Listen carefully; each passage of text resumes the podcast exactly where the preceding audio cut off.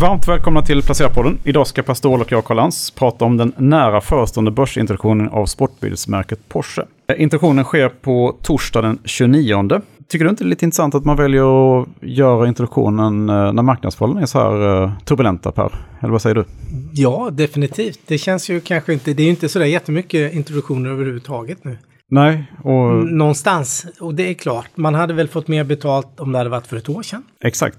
Och tror du inte lite grann att det här, eh, det, det, är inte för att vara schysst mot privatsparare så att säga man gör det här, utan det här handlar mer om eh, maktförhållandena inom eh, ägandet om Porsche så att säga? Ja, men det tror jag att det verkar vara. Du kan ju bakgrunden betydligt bättre än, än vad jag kan. Och det är säkerligen så. Och sen behöver man väl kapital också nu, för hälften av det här, allt kapitalet man tar in nu, ska ju gå till EV, eller satsa på elbilar, utvecklingen av batteriteknologi och dylikt. Ja, precis. Om man börjar, om jag förstår folkvagnen rätt, så är man lite orolig för de amerikanska techjättarna också. Att de kommer att ge sig in i eh, elbilsproduktion eh, då, förr eller senare. Och man behöver satsa ännu mer på, på detta. Så att en del av det är, är där. Men, men den stora delen tror jag är att familjen Porsche då som lite grann förlorade kontrollen över sin, eh, sitt moderbolag. Att de nu igen vill få mer makt över, över Porsche. Eh, det renodlade Porsche så att säga. Det var ju då i finanskrisen när de försökte ta över Volkswagen. I den här världsberömda blankarattacken. Ja, just det. När de så i, i, i smyg hade köpt nästan alla Volkswagen-aktier. Samtidigt som då eh, Londons finansmarknad då hade ju um, marknadsfört blankning av Volkswagen som en väldigt lätt, lätt sätt att tjäna pengar då. Så väldigt, väldigt många var, var blankade i Volkswagen. Det gjorde ju då att Volkswagen-aktien under, under några dagar då var världens högst värderade företag faktiskt. Och det slutade med att Porsche sålde en liten del av, av, av eh, aktierna man hade köpt och gjorde enorma vinster på det. Det var så att de femdubblade vinsten just eh, år 2008 faktiskt. För att de eh, då sålde, pytsade ut lite av de här aktierna. Men det slutade då med att till slut att Volkswagen köpte Porsche helt enkelt. För att bankerna inte gav krediter längre till Porsche. Så lite grann är det för att återställa ordningen då, åt det hållet, tror jag, som man gör det här nu. För att marknadsförhållandena är ju verkligen usla liksom. Ja, men oavsett så frigör det ju finansiell ingenjörskap. Det har jag skrivit Absolut. mycket om sista veckorna. Jag har fastnat i den follan. Men det gör man ju även nu. För jag, jag, vad slås av mig även att klimatet är extremt, eh, vad ska man säga, dåligt. Riskviljan är ju allt annat än bra får man väl säga här ute. Så frigör man ju mycket dolda värden uppenbarligen. Absolut. Eh, för det blir ju den största börsintroduktionen på väldigt länge. Det går ju att titta på siffrorna, men det är intervallet som man har satt IPO till då. Från 76,50 till 82,50 då euro mm. per, per, per, aktie då, så skapar det ett marknadsvärde på mellan 69 och 75 miljarder euro, mm. vilket mm. då är mer än både BMW och eh, Mercedes-Benz. Ja, det är otroligt. Är, har, har som börsvärde idag då. Och eh, Volkswagens börsvärde idag ligger på? Ja, runt 85 miljarder någonting. 85 euro. miljarder nu mm. då, så då, och då är det inkluderat he, hela Porsche och så vidare. Och nu säljer man ut en, en ganska liten del. Mm. 12,5 procent va? 12,5 plus 12,5. Mm. 12,5 till familjen Porsche. Ja, i, så, i stamaktier med rösträtt. Ja, de får med rösträtt 12,5. De får betala en premie på 7,5 mm. på vad snittkursen blir på IPO. Och sen är det 12,5 som går ut till marknaden. Men då kommer en del av det att hamna hos ett antal ankarinvesterare. Ja, och det är så kallade, i Tyskland kallar man det för preferensaktier då. Men det är alltså aktier som inte har, har rösträtt på stämman. Inte rösträtt och du får en eurocent extra i utdelning. Ja. Adderas på, på, på, på utdelningen då. Ja.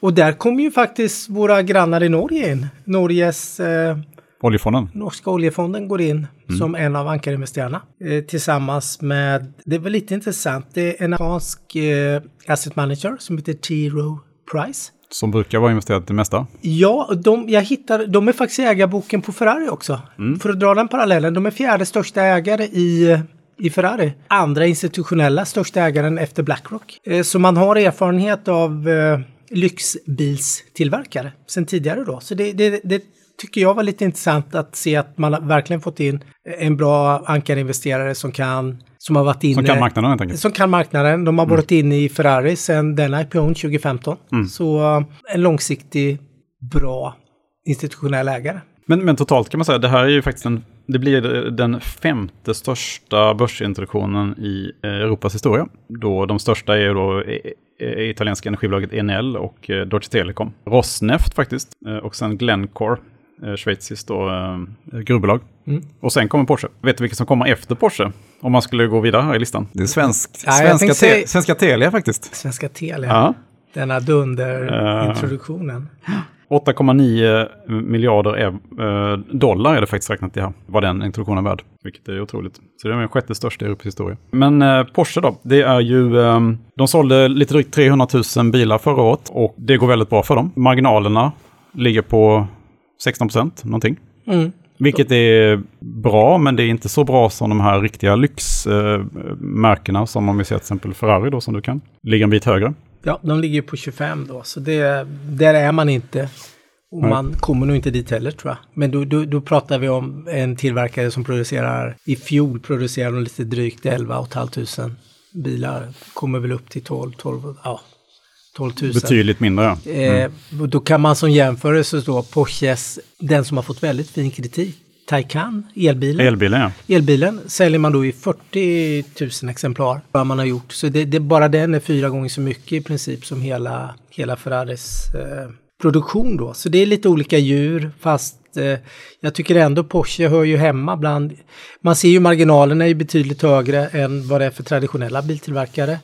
Och de har ju en aura av, ja men det här lite, du, du, vrider, du kan vrida huvudet lite runt för att det var en snygg bil som körde förbi. Mm, Och sen har man gjort en intressant resa tycker jag då från att vara en, en ren sportbilstillverkare, vilket Ferrari är, Eh, så har man nu satsat på SUVarna som har varit extremt framgångsrikt. Och även elbilarna nu har man kommit långt fram med som har också fått väldigt fin kritik och som man säljer väldigt bra då, och eh, gått ifrån sportbilar till familjebilar. Det är ju Oliver Blume då som är vd på Porsche som har drivit just den här el, eh, elbilssatsningen väldigt tidigt får man säga. Eh, och det är ju han nu som faktiskt har blivit vd för hela Volkswagen. Han tog över efter Herbert eh, Dies här nu i somras. Då. Så att han kommer fortsätta vara vd för både Volkswagen och Porsche, eh, säger de även efter IPO. Men det är lite intressant om vi, om vi jämför då Ferrari med BMW och Porsche till exempel. Så är det ju tydligt då att, att precis att Ferrari är, har betydligt bättre marginaler. Men mest slående är kanske då att hur lågt värderat BMW är tycker jag.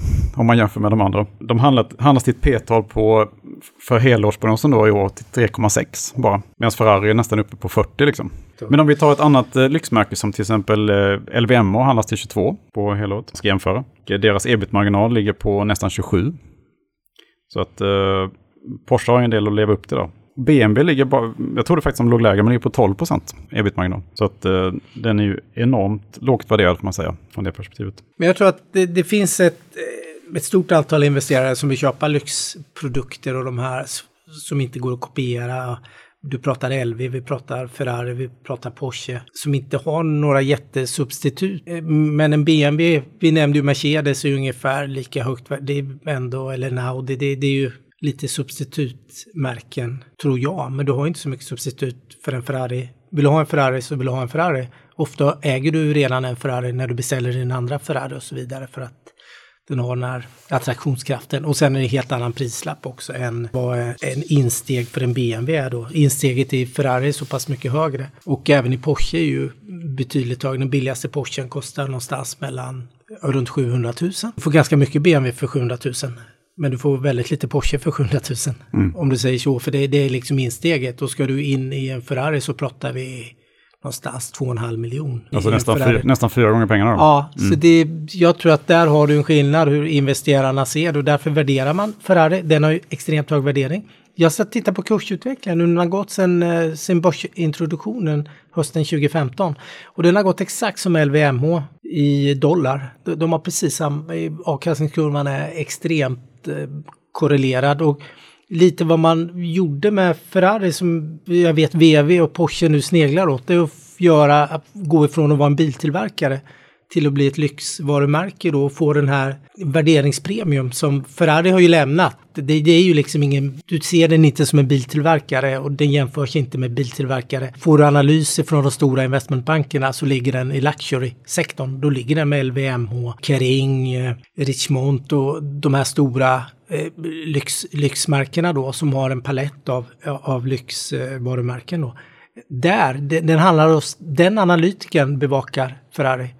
Det är inte hos den som bevakar Volvo Cars eller BMW eller Mercedes eller den typen eller Toyota. Den hamnar inte där utan den ligger på en annan desk.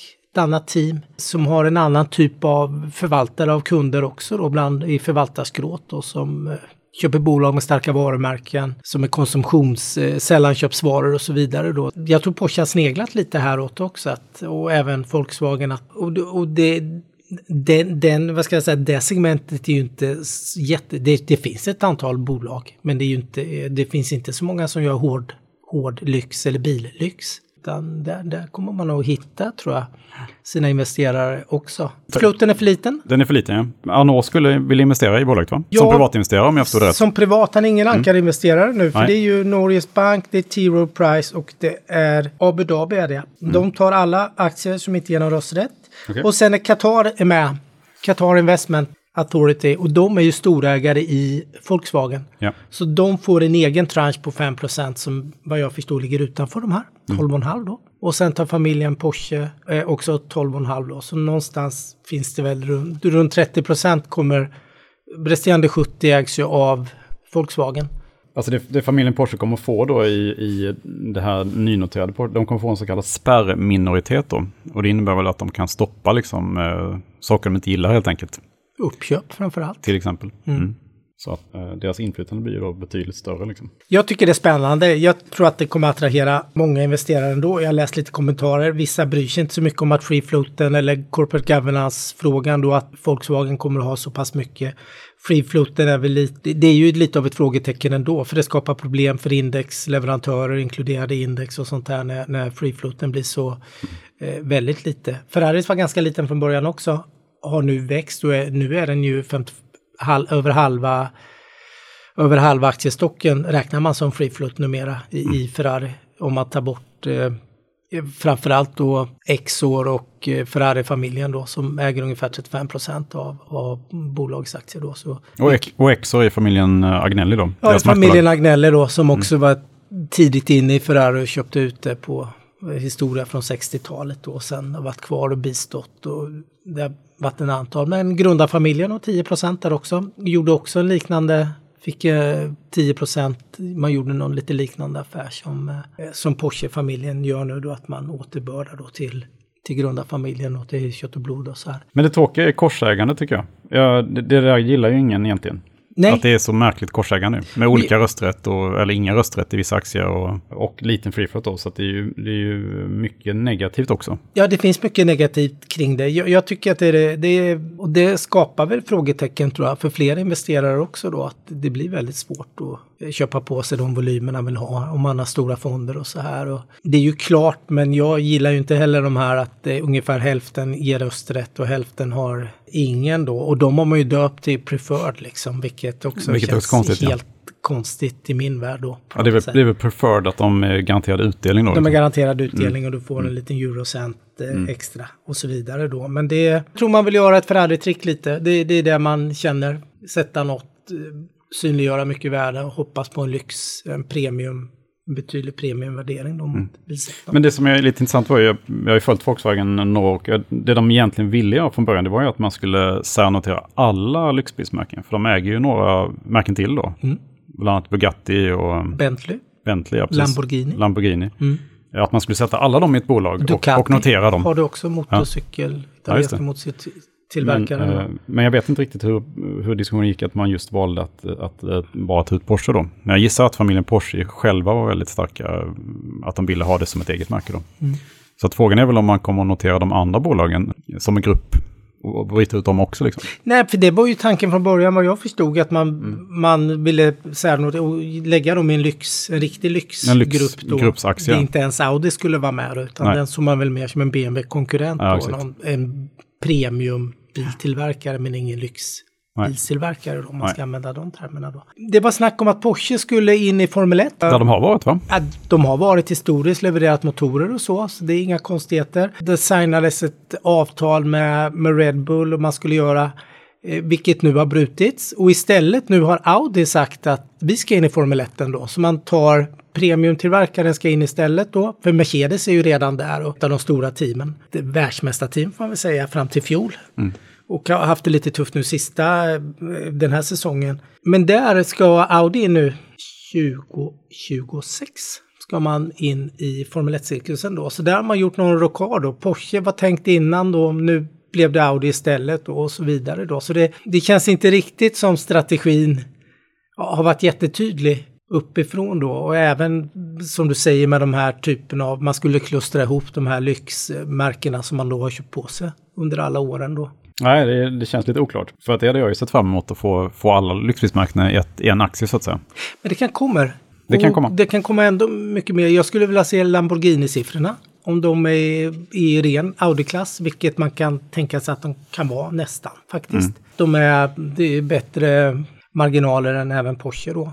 Och eh, där pratar vi om en liten, liten tillverkare säkert, ja. också. Säkert. Så jag kan mm. tänka mig att det ligger där. Och även Bentley och så. Då. så det, men det kanske, man gör det här som ett test nu och det kanske har varit mycket stridigheter med, med, med Porsche-familjen. Att det finns massor med andra anledningar nu då. Att det har blivit att man börjar med det här då. Porsche har ju, har ju satt mål för 2030, alltså att över 80 procent av de sålda bilarna ska vara helelektriska. Det låter, det låter väldigt ambitiöst. Och redan nu som du sa där, under förra året så var ju drygt, eller nästan 40 000 av de, de här 300 000 sålda bilarna var ju eh, Taycan då som är deras elvariant. Men jag tycker det låter väldigt eh, ambitiöst och eh, väldigt kort tid att, att ställa om på. För jag vet ju att Porsche annars håller på med att också forska kring hur man kan göra syntetisk bensin till exempel. Mm. Alltså grön bensin. Mm, jag vet, det är Ferrari väl med på det projektet också för mm. att man vill ju... Kunna fortsätta använda de gamla vill kunna användas, mm. eh, precis, och man vill väl tillverka vad jag förstår de här fossila motorerna så länge som det bara går också, för det är en sån del av identiteten och det arvet man har både hos Porsche och Ferrari. Det var ju Ferdinand Porsche då som grundade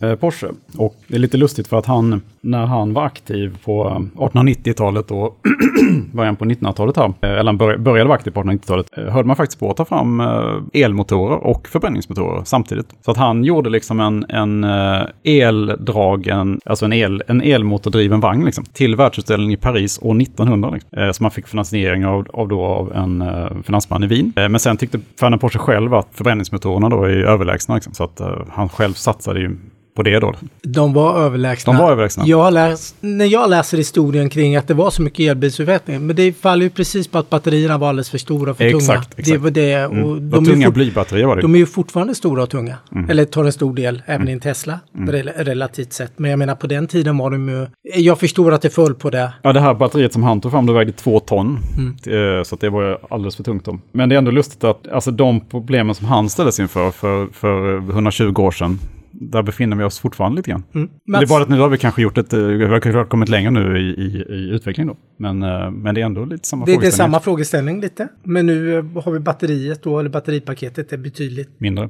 mindre och effektivare än vad det var för hundra år sedan då. Så det är den stora skillnaden tror jag. Jag tänkte på en sak, man kan inte runda Tesla ändå. Vet du vad Teslas marknadsvärde är? Bara för att få en liten då. Nu har vi pratat BMW, Mercedes. Är det 900 miljarder dollar? Ja, det är 900 plus.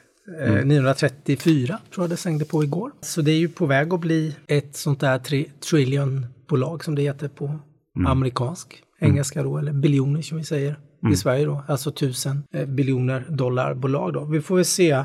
Men det är värt 12 gånger så mycket då än Porsche. En Porsche. Om Porsche då skulle hamna i övre delen av intervallet då, vilket mm. jag, jag tror att de borde kunna hamna där. För ja. det är så lite, så lite erbjudande också. Det, det, det, det hamnar nog där. Ska vi se. Vart noteras det? Du sa det innan. Frankfurt. Frankfurt. Bara Frankfurt? Ja. Men jag tittade en annan sak. Jag satt och tittade, som du sa, en av de, vad var det, fjärde största börsintroduktionen? Femte största Fem, ska det vara. Femte största. Mm.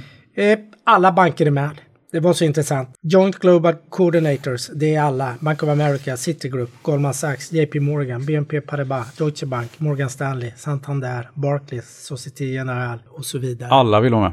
Alla är med också. Och lite intressant, en liten notering som jag hittade, är Mediobanca, den italienska banken då, inte med på IPO, men de är financial advisor till Porsche, alltså till ledningen. Har det med Ferrari att göra? Ja, det har det faktiskt. För de, mm. tog, eh, de har tagit fler lyxbolag till börsen. De mm. har ett bra det. track record på den biten och ger mycket råd kring det. Och de höll i även Ferraris. Mm. Så det var lite intressant eh, notering tyckte jag då. Men det är en stor IPO. Det är bara att titta på alla banker är med och erbjuder. Det finns inte en institution i hela världen som inte mm.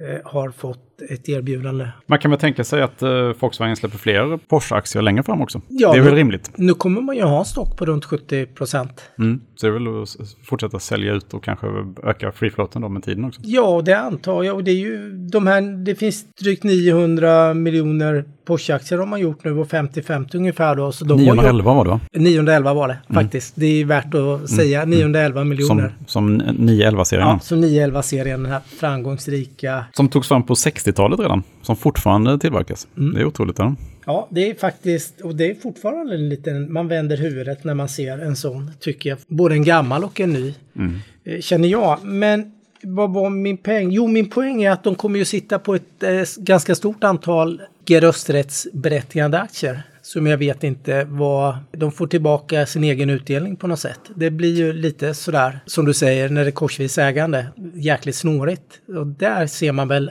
tycker jag, en potential att man... Kommer avyttra dem? Att de går ju att avyttra i, de kommer ju behöva pengar tror jag, Volkswagen också för sin elbilsomställning. Det är väl liksom helt klart och tydligt. Och man ska bygga egna batterifabriker har man pratat om. Och hela den här. Och nu ska man ju ställa om energin också så jag, vilket de hade gjort.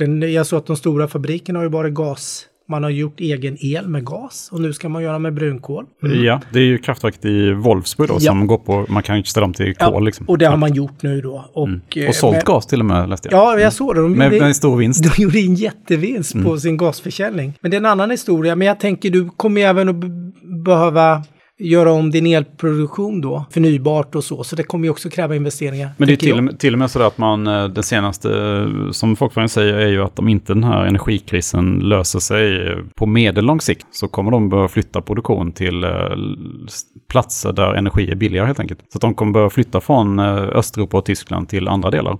Till Island? Ja, man pratar om, det man pratar om faktiskt i Iberiska halvön är, är hett. För att där har de jättemycket förnyelsebar energi. Alltså mycket solkraft, vindkraft. Ja, jag vet, vi pratade om det igår. Och dessutom har de ett perfekt utbyggt system för LNG-terminaler redan. Så att de har naturgasen där redan. Så att där satsar man, man satsar redan nu mycket, men, men dit skulle man kunna flytta mer produktion då. På medellång sikt säger man. Så att eh, den här Rysslands Ukraina-kriget har ju, har ju lett till många negativa saker. Men... Jo, det driver fram mycket nytänkande och det blir lite annorlunda konsekvenser då. Kanske man kan se något kluster på Iberiska halvön av tung tillverkning som man inte ja. haft tidigare då för att... Man, ja, det är relativt sett billigare. Det är mm. relativt sett billigare och man gjorde den här omställningen väldigt tidigt eller var med väldigt snabbt på den i både Portugal och eh, i Spanien. Ja, och man har förutsättningar också. Mycket, solka, mycket sol helt enkelt och bra vindtillgång. Mm. Liksom. Så att det, det blir jätteintressant att se vad som händer där. Men, men det är negativt för eh, Öst och Västeuropa egentligen. Är det ju på det sättet. Alltså att man, eh, det blir, blir en, man pratar om att det kan bli en liten avindustrialisering då. Så det skulle inte vara så kul om det hände. Men vad känner du för IPO? Vill du köpa Porsche-aktier? Är du så här Ska du in och... Alltså det, Porsche är nog en sån aktie som man uh, jättegärna vill ha i, i depån. Jag tror uh, att jag kommer att avvakta, tanke på, på korsägarna och allt sånt där. Men, men eh, det är det där med marginalerna. Liksom. Om, om man kan få upp marginalerna till Ferrari-nivå till exempel eh, och om eh, Volkswagen säljer ut mer aktier, då blir den ju säkert jätteintressant. Liksom. Vill du äga Porsche? Ja, jag, jag ska köpa... Ja, du ska köpa den direkt? Nej, det ska jag inte. Jag ska köpa den, jag ska köpa den mm. vad tiden lider. Ja. Som jag gjorde i Ferrari. Jag var mm. inte med på IPO heller. Då. Fast det kunde vi vara då. Det var erbjudande även, kommer jag ihåg, i Sverige med, med Ferrari IPO. Men Nej, jag, jag kommer säkerligen om ett halvår kommer jag äga lite Porsche. Så äger jag både Porsche och Ferrari. Mm. Får vi se. Det blir säkert jättebra. Liksom. Mm. Bra, men vi håller tummarna för eh, börsöppningen i Frankfurt den 29 och ser vad, vad den får för mottagande helt enkelt. Jag tror att det blir tummen upp faktiskt. Det tror jag också. Jag tror att den kommer att handlas. Den handlas upp en bit, om jag, det inte skulle vara någon extremt sur dag. Den mm. kan nog gå upp till 90 euro, något sånt. Det tror jag. Mm. Ja, men det är ett intressant sätt att frigöra värde. Mm. Uh, Definitivt. Det tycker jag man uh, ska ta med sig som lärdom av det här. Finansiell ingenjörskonst. Att det går att frigöra mycket värden. Och det finns mycket mer värden i Volkswagen Ja, det gör det definitivt. Det med, jag tänker på alla, alla andra lyx, eh, det här lyxsegmentet de har då. Det ska bli intressant mm. att se vad de gör där också. Det är ju ett alternativt sätt att äga Porsche är ju helt enkelt att köpa Volkswagen-aktier. Mm. Eller man kan notera att det är faktiskt också familjen Porsches ägarbolag. Då. Det, är också, det finns, finns alternativa sätt att, att komma in i aktien. Liksom. Tack för att ni har lyssnat. Tack så mycket. hej. hej.